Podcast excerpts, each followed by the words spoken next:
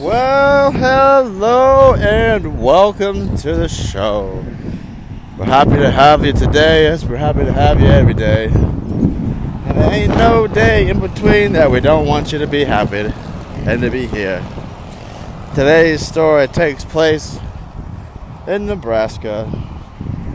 So I'll give you a moment to go put on your jacket and your coats and your mitts and uh, sit down in the chair like Bernie Sanders on that day that the internet will remember forever. Well, guess it's time to get to going now. So as we cross in to the Nebraska territory, as we cross that border in our van, we popped a tire not five feet from the border. That was the back left bumper.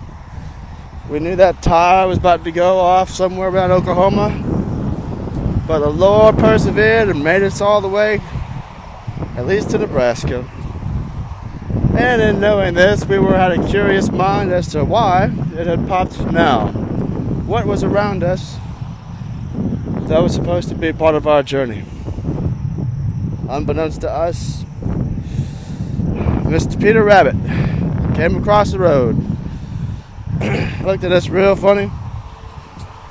He said, Are you a strong arm man?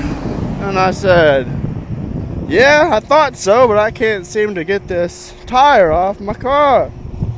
He said, Oh, don't worry about that. I've got a crew. So Peter Rabbit turned his head. He said, Oh, merry man! All of a sudden, all these critters started flopping out of the forest over each other. And uh, this alligator with a red hat, MAGA hat, came up. And uh, he said, I can, let me see what I can do there. and uh, he just, with a, with a, a fatal flap of the tail, he got that lug nut off replaced the tire. No, he made well he made a tire. He made a new tire out of an armadillo. Rolled that sucker up, slapped it on there. He said, "Don't move, Billy. I'll come pick you up on Sunday." And uh, anyway, that's how we got out of Nebraska. And uh, it was one heck of a story.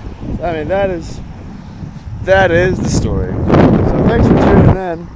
And uh, this is a quick episode, but if you like it, let me know by liking this this show, maybe subscribing if you want more content, and uh, we'll just see what happens. But you have a great day now, Him.